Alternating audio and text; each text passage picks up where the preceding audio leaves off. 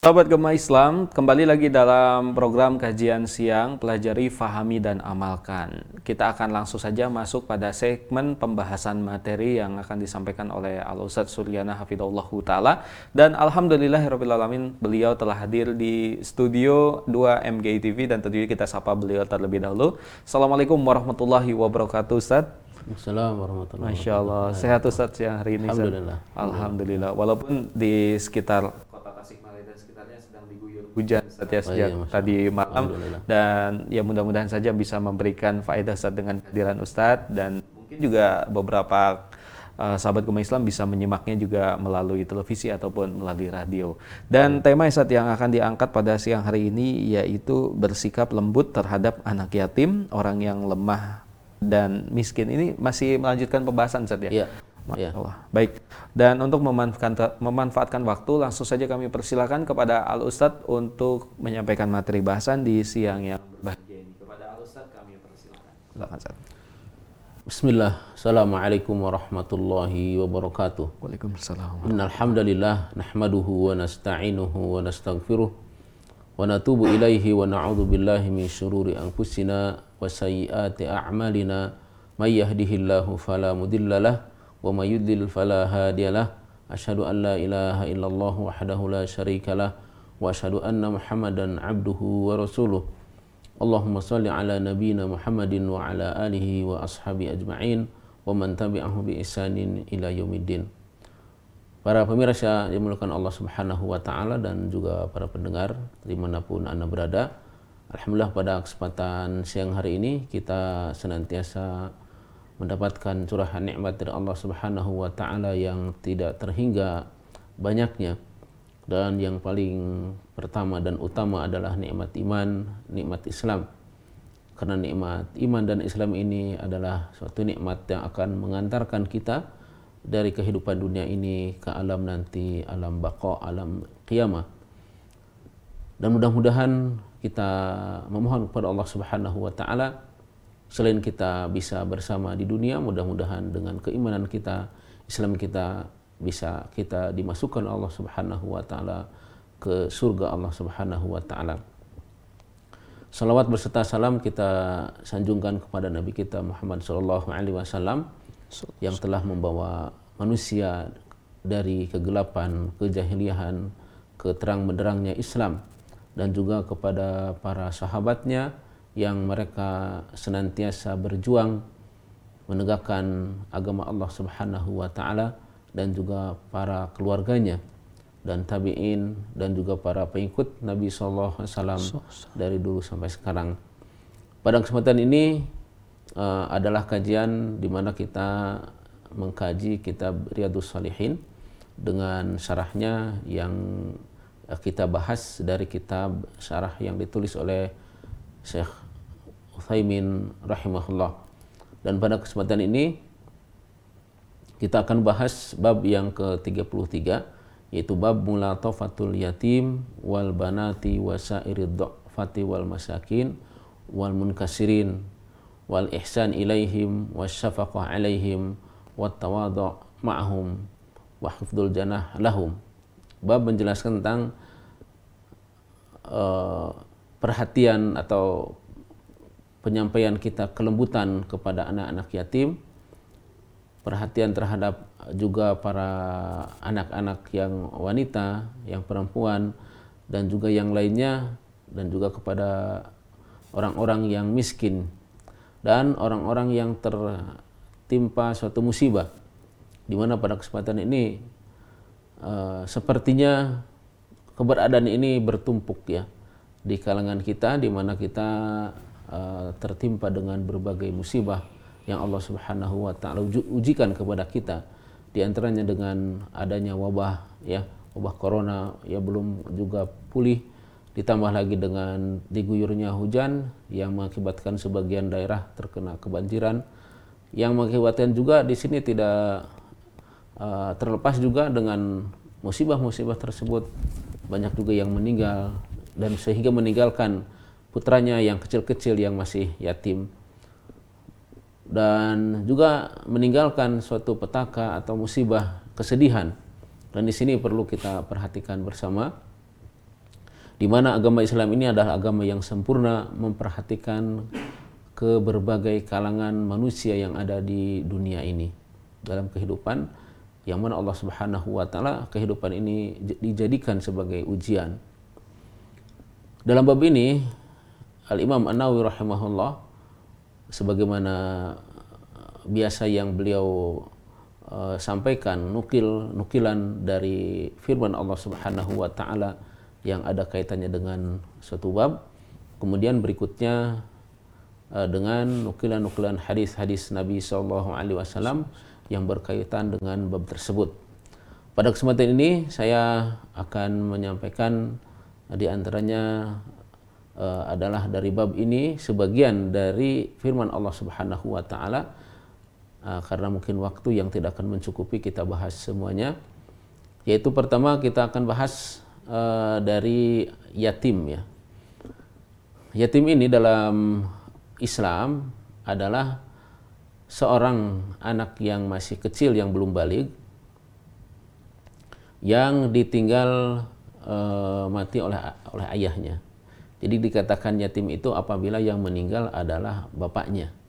Ini dalam syariat Islam itu dikatakan yatim walaupun dalam kenyataan kehidupan kehidupan itu kadang seorang yang meninggal ibunya mungkin anak keterlantarannya lebih gitu ya cuma dalam ini dalam Islam karena yang mempunyai uh, tonggak uh, apa uh, suatu perekonomian ya dan juga tanggung jawab itu adalah seorang laki-laki bukan uh, wanita jadi kalaulah umpamanya ada suatu kejadian atau dalam suatu uh, keadaan seperti di kita, maka seharusnya kita yang mengikuti bagaimana sebenarnya dalam Islam. Jadi yatim ini adalah seorang anak anak kecil yang belum balik, yang bisa yang belum bisa mencari nafkah sendiri, mencari kehidupan sendiri, kemudian ditinggal oleh ayahnya, ya. Itu adalah yatim. Adapun kalau yang ditinggalkan e, meninggal oleh ibunya dalam Islam itu tidak dikatakan yatim. Jadi yang dimaksud di sini yatim ini adalah seorang anak yang e, ditinggal e, pergi ya karena suatu bencana atau mungkin Allah Subhanahu wa taala e, apa namanya cabut nyawanya karena berbagai hal banyak yang mengakibatkan seorang itu meninggal ya.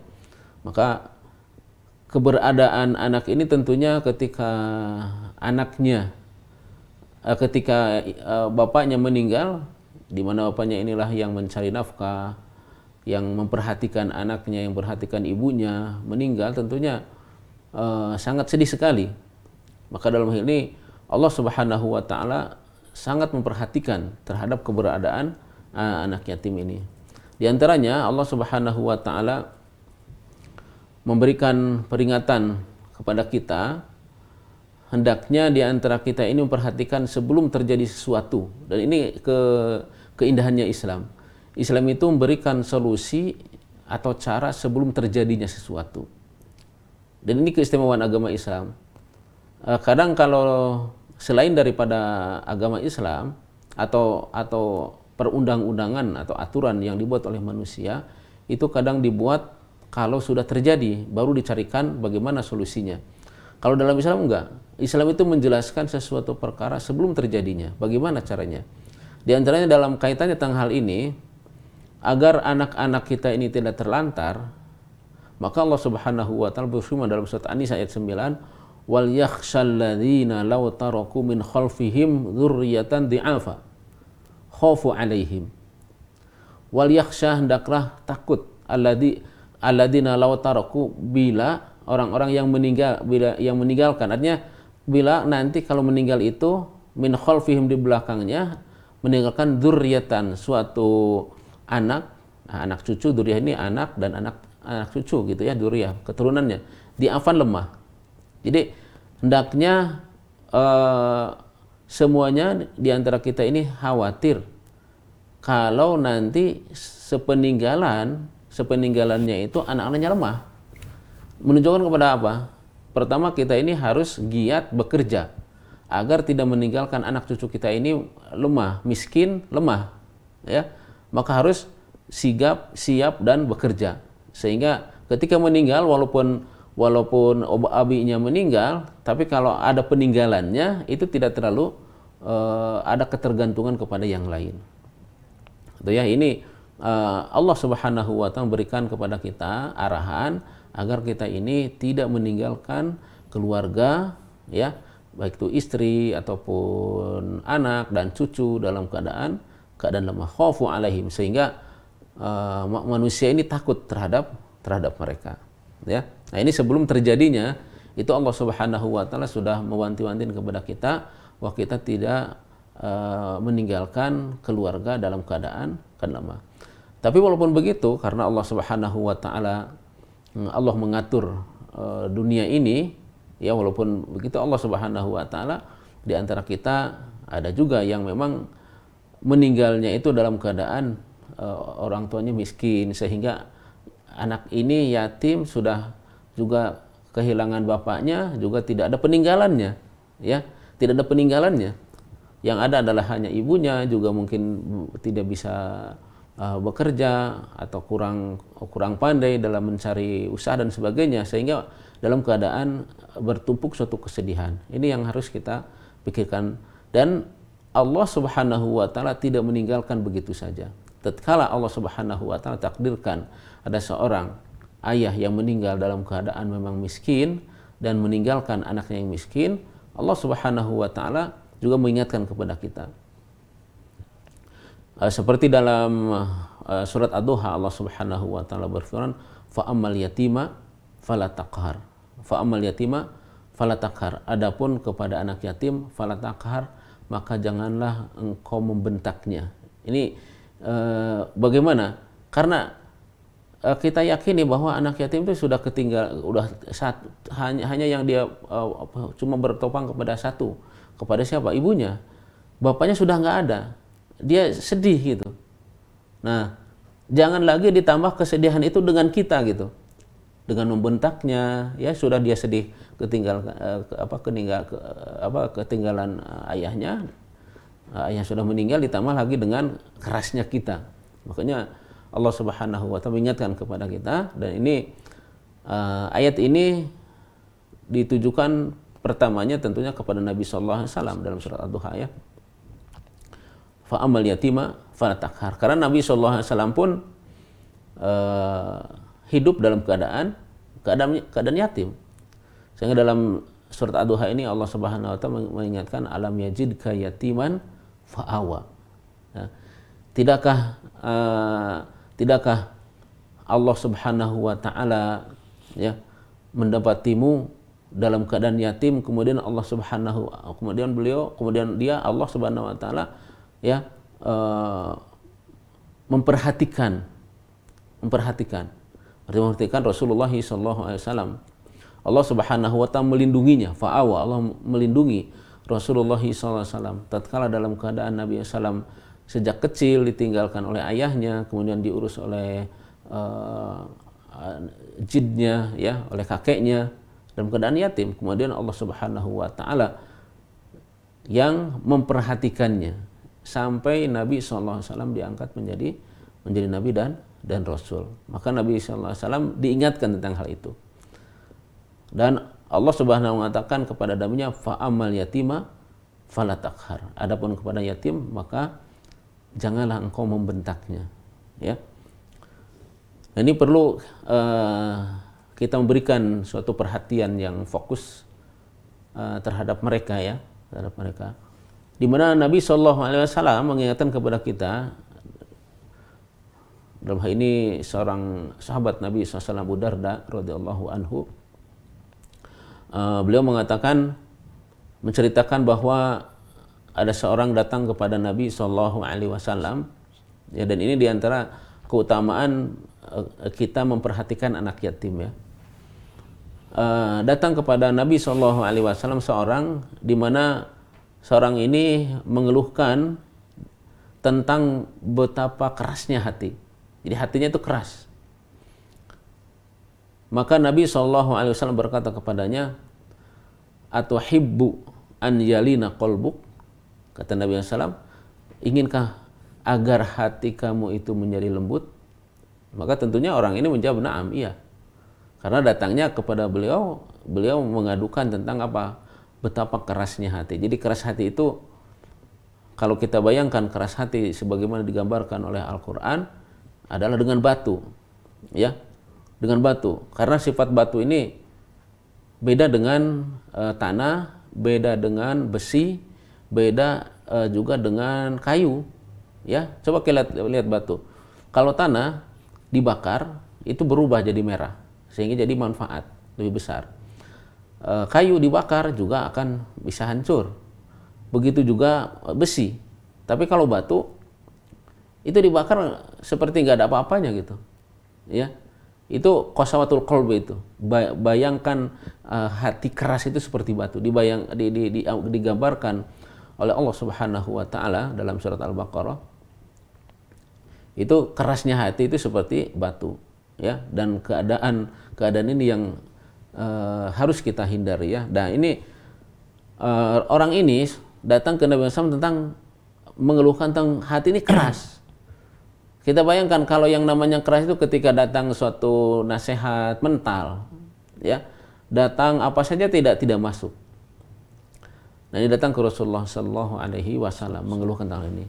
Maka Rasulullah balik bertanya atau hibbu antalina kolbuk ayalina kolbuk apa engkau ingin menjadi menjadikan hatimu itu menjadi lembut jadi yang tadinya keras menjadi lembut maka orang ini menjawab iya kata Rasulullah SAW irhamil yatim irhami al yatim. Coba berikan kasih sayang kepada anak yatim. Yang namanya kasih sayang dengan apa saja? Dengan dengan dengan uh, bahasa. Bahkan Nabi SAW wamsah sahu usap ya usap. Usap kepalanya. Itu menunjukkan kepada apa? Kepada sayangnya kepada anak yatim ya. Wat imhu min ta'amika berikan makanan kepadanya dari makananmu. Ini kita lihat di sini waat imhumin to'amika. Berikan kepadanya makanan dari makananmu, bukan sisa. Ya, yang namanya makan makananmu itu adalah ketika ketika kita punya makan roti, maka berikan roti itu yang kita makan kepadanya. Ketika kita makan nasi dengan lauk pauk yang enak, dengan daging ya, maka berikan juga kepada anak yatim. Jangan kita berikan ini karena sisa. Ini bukan bukan atimhu min min ta'amika ya. Jadi ini makanan yang kita makan berikan kepadanya, ya. Karena kata Rasulullah fa innahu fa inna dzalika yalinu qalbak. Yulayyinu qalbak. Karena sungguhnya dengan cara itu, dengan cara memberikan kasih sayang kepada anak yatim, dengan mengusap kepala anak yatim dan memberikan makanan kepada mereka, itu akan membuat hatimu menjadi menjadi lembut yang tadinya keras itu akan menjadi lembut yang tadinya ketika mendengarkan suatu yang hak kebenaran ya yang datang dari Allah Subhanahu wa taala dan rasulnya yang disampaikan oleh para uh, asatidah para ustadz dan yang lainnya itu tadinya mental itu akan lembut ya akan akan uh, nyantol ya akan mendapatkan suatu nasihat yang tadinya tidak mendapatkan nasihat sama sekali. Maka cobalah ya apabila di antara kita ada yang merasa hatinya kok susah gitu ya untuk mendapatkan untuk menerima nasihat, maka cobalah. Pasti di antara kita ini di sekitar kita ini banyak orang anak-anak yang yatim. Cuma kadang kita tidak tahu karena kita tidak mau bertanya, karena kita tidak perhatian. Di suatu uh, tempat di setiap RT, setiap RW itu pasti ada anak-anak yang orang tuanya sudah meninggal. Apalagi di musim di, di, di sekarang ini, di mana berbagai musibah, ya, dengan diturunkannya musibah corona dan juga dengan adanya uh, musibah kemarin banjir dan yang lainnya, banyak sekali yang mereka ini kehilangan uh, orang tuanya. Maka kejarlah pahala di akhirat ini dan juga di dunia ini kita akan akan rasakan. Di samping uh, dengan memberikan kasih sayang kepada anak yatim dan dan mengusap kepalanya dan memberikan makanan dari apa yang kita makan, itu akan membuat hati kita menjadi lembut juga akan watak diru ala hajatika. Ditambah lagi dengan dengan akan uh, bisa ya menjadikan solusi dari apa hajatmu. Artinya tatkala kita mempunyai kebutuhan mempunyai apa saja problem dalam kehidupan ini maka di antaranya adalah dengan memperhatikan anak yatim. Apa saja problem kita yang sedang kita hadapi? Bahkan mungkin kita kita ini sedang menghadapi problem yang sama. Ya sedang menghadapi wabah uh, corona ini sehingga Allah Subhanahu wa taala uh, belum mengangkatnya. Dan sampai sekarang obatnya belum uh, diketahui apa obatnya.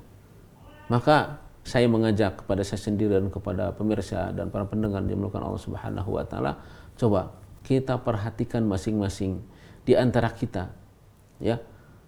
Pasti di setiap RT setiap RW setiap daerah ada anak yatim.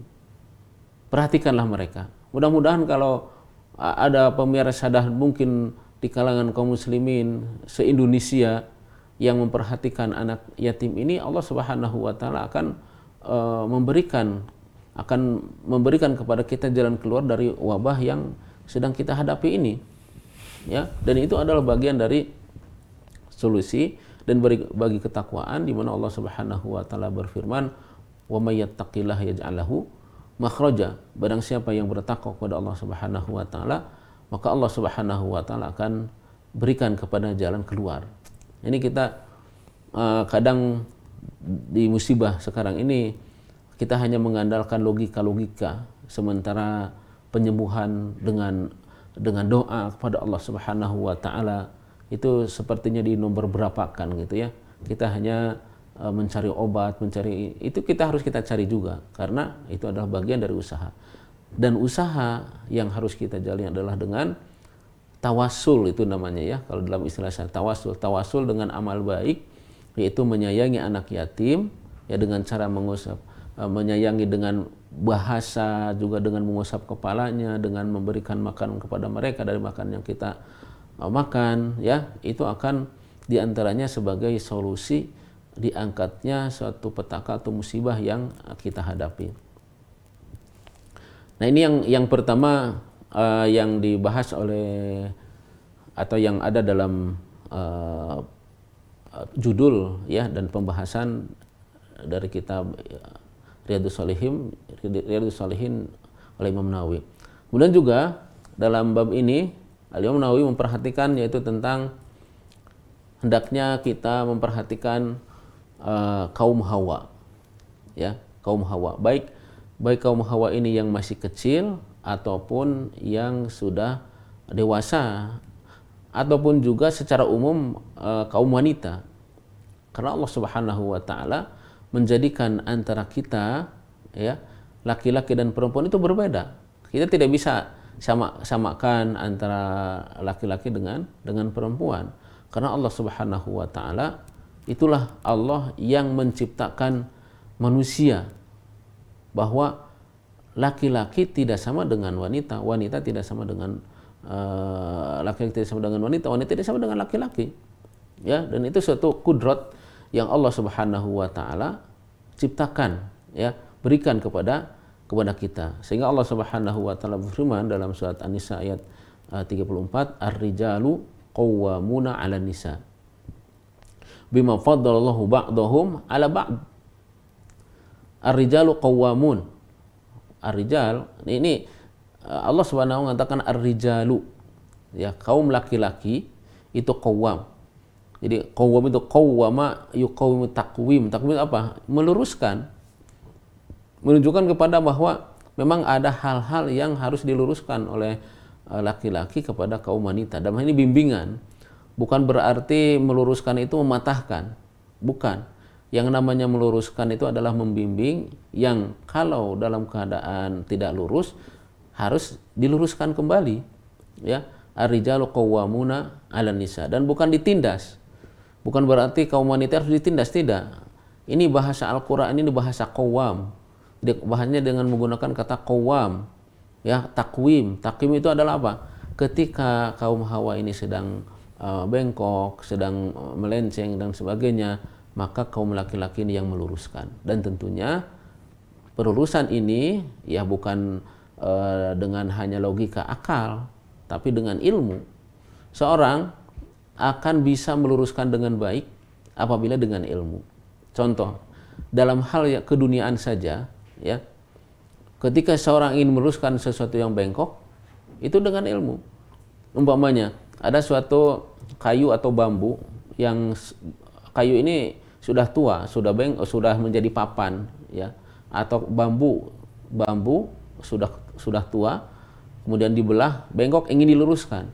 Maka dengan kalau dengan ilmu cara meluruskannya adalah di antaranya yang saya tahu si bambu ini harus dikasih minyak dulu, minyak uh, goreng atau minyak kelapa, kemudian dipanaskan ke api, baru bisa lurus. Tapi kalau yang bengkok ini langsung diluruskan itu bakal bakal paima patah atau belah. Itu kenapa? Karena tidak dengan ilmu. Nah apalagi ini meluruskan makhluk hidup wanita itu makhluk hidup. Dia punya perasaan dia punya akal dan sebagainya. Luruskan dengan dengan benar. Nah benar ini ada datangnya dari mana? Dari dari ilmu. Yang ilmu ini adalah ilmu dari Allah Subhanahu wa taala dan dan rasulnya. Ini jangan salah difahami bahwa Islam ini uh, pilih kasih ya, pilih kasih kepada wanita tidak. Allah Subhanahu wa sudah menciptakan kudrat wanita ini lemah, ya, lemah. Walaupun dikatakan kuat tetap lemah, ya. Karena kelemahan ini banyak sekali di mana tidak bisa dipungkiri. Ya, tidak bisa dipungkiri tentang keadaan dari dari postur tubuhnya, dari lekak-lekuk keadaannya ya dari uh, otot-ototnya Allah Subhanahu wa taala bedakan antara laki dengan perempuan dan ini hendaknya kaum laki-laki ini memperhatikan tentang mereka ini agar dan ini fungsinya agar kalau kaum wanita ini lurus ya lurus dalam arti mereka istiqomah dalam agama Allah Subhanahu wa taala dan dibimbing oleh kaum laki-laki yang cerdas-cerdas yang hafal tentang ilmu Allah Subhanahu wa taala maka ini akan merubah tatanan kehidupan kita. Ya kita bayangkan kalau kita bagi tugaskan kaum laki-laki itu adalah yang keluar mencari nafkah, ya, dan kaum wanitanya adalah dengan bimbingannya kaum laki-laki mereka mengurusi anak-anaknya, maka akan terjadi suatu perubahan yang sangat dahsyat sekali, sangat sangat luar biasa, ya. Dan evaluasi kita ketika fungsi ini tidak di, tidak tidak benar ya, maka apa yang terjadi? Apa yang terjadi? Karena laki-laki tidak membimbing uh, wanita, kemudian wanita pun juga tidak bisa dibimbing sehingga kedua-duanya sama-sama keluar. Jadi fungsi antara laki dengan perempuan seperti disamakan. Apa yang terjadi di rumah anak-anak ditinggal sehingga mereka bergaulnya apalagi sekarang ya dengan HP, dengan TV dan yang lainnya. Sementara yang harus membimbing sebenarnya adalah ibunya. Kemudian dibimbing mungkin oleh uh, pembantunya. Pembantunya berpikirnya bukan ke pendidikan. Kalau pembantu berpikirnya kepada bagaimana saya mendapatkan gaji bulanan.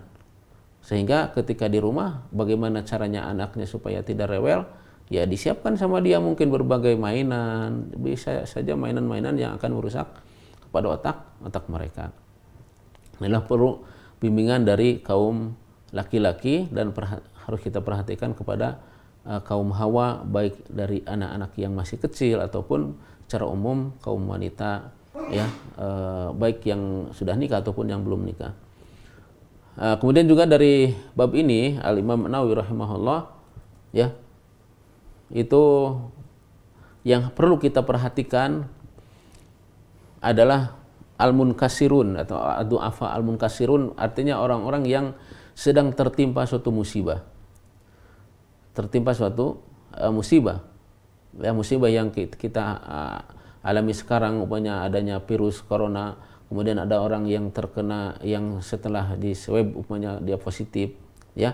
Dan juga dari lingkungan-lingkungannya atau musibah yang lainnya yang terkena banjir atau yang terkena kebakaran atau yang lainnya musibah-musibah maka ini pun perlu kita perhatikan.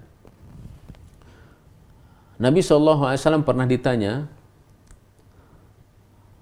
oleh seorang sahabat, ayul a'mali afdal? Amalan apakah yang paling utama. Ini tentunya pertanyaan Nabi SAW dan jawabannya sesuai dengan dengan keadaan si penanya dan ke, dalam dan keadaan suasana ya dalam suasana seperti sekarang ini ini sangat cocok sekali ya apa yang dikemukakan oleh Nabi Shallallahu Alaihi Wasallam di mana Nabi mengatakan amalan yang paling yang paling afdol itu adalah idkhaluka as-surura ala mu'minin ala mu'min. Asba'ta jaw'atahu au kasauta auratahu au qadaita lahu hajatan. Amal yang paling afdol apalagi seperti di zaman sekarang ini dalam keadaan sekarang ini kata beliau sallallahu alaihi wasallam engkau memberikan rasa bahagia kepada seorang mukmin. Jadi menjadikan orang mukmin yang lain itu bahagia itu adalah afdol amal dengan apa saja mungkin saja idkhul surur ini membahagiakannya dengan dengan bahasa, dengan ucapan yang baik. Ya. Dicontohkan di sini asba'ta jaw'atahu. Di antara yang di antara contoh yang membuat mukmin yang lain itu bahagia adalah tatkala orang lain kelaparan, maka engkau asba'ta atau jadikan dia itu kenyang. Kita lihat kiri kanan di di antara kita, ya. Baik di daerah ataupun di perkotaan. Jadi agama Islam ini agama yang memperhatikan masyarakat lingkungan. Kita tidak boleh anania, ya tidak boleh uh, hanya memperhatikan diri sendiri. Perhatikan yang lain, perhatikan tetangga kita kiri kanan, ya depan belakang kita perhatikan. Adakah di antara kita orang yang mungkin uh, tidak mendapatkan makanan? Maka ini adalah bagian dari Abdul Akmal. Kata Nabi SAW, asba'ta jawa'atahu engkau buatkan dia ya kenyang ketika dia sedang sedang lapar ya dan betapa banyak sekarang ini orang-orang yang memang membutuhkan ya membutuhkan bantuan ter, uh, bantuan orang-orang yang memang Allah berikan kelebihan dari makanan dari fasilitas dari yang lainnya au kasauta auratahu atau engkau uh, tutupi auratnya. Artinya kau berikan kepada mereka pakaian.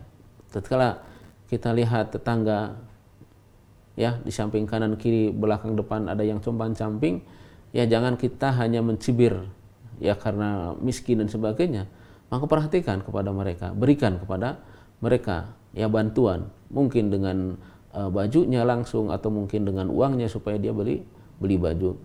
Qadaita hajatan atau engkau e, menyelesaikan memberikan bantuan kepadanya bantuan apa saja yang dia dia butuhkan. Mungkin kita datang kepadanya dan kita tidak tahu apa yang dia butuhkan kita tanya mungkin apa yang bisa kita bantu? Ya karena mungkin kita lihat dari rumahnya ya dari keadaannya ya apa yang bisa dibantu? Maka tanya perkara-perkara yang dororiat yang dororiat itu artinya perkara-perkara yang memang sangat urgen sekali. Ya, yang sangat dibutuhkan dalam keseharian. Mungkin makan ya minum atau pakaian atau tempat tidur dan yang lainnya.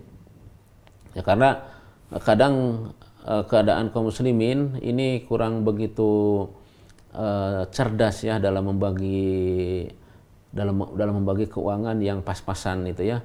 Kadang yang perlu sebenarnya diperhatikan yang paling pokok itu dijadikan uh, bukan pokok ya bahkan yang sia-sia dijadikan hal yang pokok gitu ya. Ini kadang karena tidak cerdasnya membagi uh, membagi kebutuhan ya. Ya kadang begini kita lihat orang ini serba kekurangan tapi rokok ngerokok makanya itu kan subhanallah. Suatu hal yang tidak butuh kita dicarikan gitu dia belum makan dia apa dan sebagainya tapi masih ngerokok Nah tentunya hal ini kita perhatikan juga ya dalam hal ini. Tidak serta merta kita membantu kepada uh, yang miskin, tentunya kita juga uh, berikan kepadanya bimbingan. Ya, kadang umumnya dia makanan tidak ada, minuman tidak ada sebab kekurangan, tapi di rumahnya umpamanya uh, TV-nya, ada motornya dan sebagainya. Nah, ini tentunya hal ini juga perlu kita perhatikan. Nah, kodoh haja ini membe memberikan kecukupan kepadanya adalah hal-hal yang dororiat, hal-hal yang memang e, primer gitu ya, hal-hal yang yang primer. yang yang kalau dia tidak mendapatkan dia akan uh, uh, umpamanya meninggal atau sakit dan sebagainya gitu ya ini tentunya perlu diperhatikan keadaan yang uh, kita bantu uh, yang terakhir yang terakhir dari pembahasan dari judul saja ini belum belum sampai kepada uh, hadis Nabi SAW yang dipaparkan oleh Imam Nawawi yaitu di mana kaum mukminin yang satu dengan yang lain hendaklah hendaklah saling tawadu apalagi bagi yang mempunyai kedudukan. Di sini Allah Subhanahu wa taala mengingatkan kepada nabi kita sallallahu alaihi wasallam ya agar bertawadu kepada sahabat Nabi SAW. Allah Subhanahu wa taala mengingatkan dalam uh, surat Al-Hijr ayat 88, "Wakhfid janahaka lil mu'minin." Wakhfid janahaka lil mu'minin. Hendaklah engkau bertawadu. Ini digambarkan uh, suatu tawadu ini dengan sayap sayap burung. Ya. Jadi artinya burung burung ketika hinggap maka sayapnya diturunkan. Artinya tatkala dan ini ini suatu perumpamaan yang sangat indah sekali yang disebut dengan tasbih ya dalam dalam ilmu balaghah. Jadi diumpamakan tawadu ini adalah dengan ditelungkupkannya sayap seperti burung karena burung punya sayap ketika dia mau terbang dia tebarkan sayapnya. Artinya manusia itu punya sayap, artinya punya punya kewibawaan, punya kedudukan ya dan itu digambarkan sebagai sayap. Dia sebagai pimpinan, dia sebagai apa pejabat dan sebagainya. Maka tatkala dia duduk dengan orang mukmin, maka jabatan dan keadaannya itu telungkupkan sudah. Samakan, ratakan. Gitu ya. Artinya ini kita ini harus tawadu. Siapa yang di hadapan kita adalah mukmin semuanya. Sehingga kita kita punya pangkat apa ketika kita duduk dengan orang mukmin sama, nggak ada pangkat. Ya. Ini suatu uh, ibarat yang sangat indah sekali. Wahfid janahaka lil mukminin. Ini janah kakaknya ini kepada khitabnya kepada Nabi, Nabi kita salam. Hendaklah engkau uh, telungkupkan sayapmu. Sayapmu di sini Nabi, Nabi SAW punya kedudukan yang tinggi di hadapan Allah Subhanahu wa taala. Tapi jangan menjadikan engkau menjadi takabur. Apalagi yang di bawah Nabi Shallallahu alaihi wasallam. Pokoknya seorang baik itu raja ataupun presiden atau yang ya ataupun mungkin siapa gitu yang menjadi pejabat, maka tatkala duduk dengan orang mukmin, maka hendaklah jabatan, pangkat, kedudukan dan dunia yang lainnya itu harus ditelungkupkan, hilangkan rata ya. Karena Allah mengatakan inna akramakum indallahi atqakum. Sesungguhnya yang paling mulia di antara kalian adalah orang-orang yang bertakwa di sisi Allah Subhanahu wa taala. Inilah mungkin yang bisa saya sampaikan pada kesempatan siang hari ini. Mudah-mudahan menjadi uh, faidah mendapatkan faidah uh, dari apa yang saya sampaikan. Ini baru ke judul dan sebagian dari firman Allah Subhanahu wa taala yang dikutip oleh Ali Imam Nawawi dalam bab ini ya. Mudah-mudahan saya mendapatkan juga mauidhah dan faidah-faidah uh, juga bisa difahami didapati oleh para pemirsa dan para pendengar Amin. di mana pun anda, anda berada. Wassalamualaikum Muhammadin wa ala alihi wa sahbihi wa Assalamualaikum warahmatullahi wabarakatuh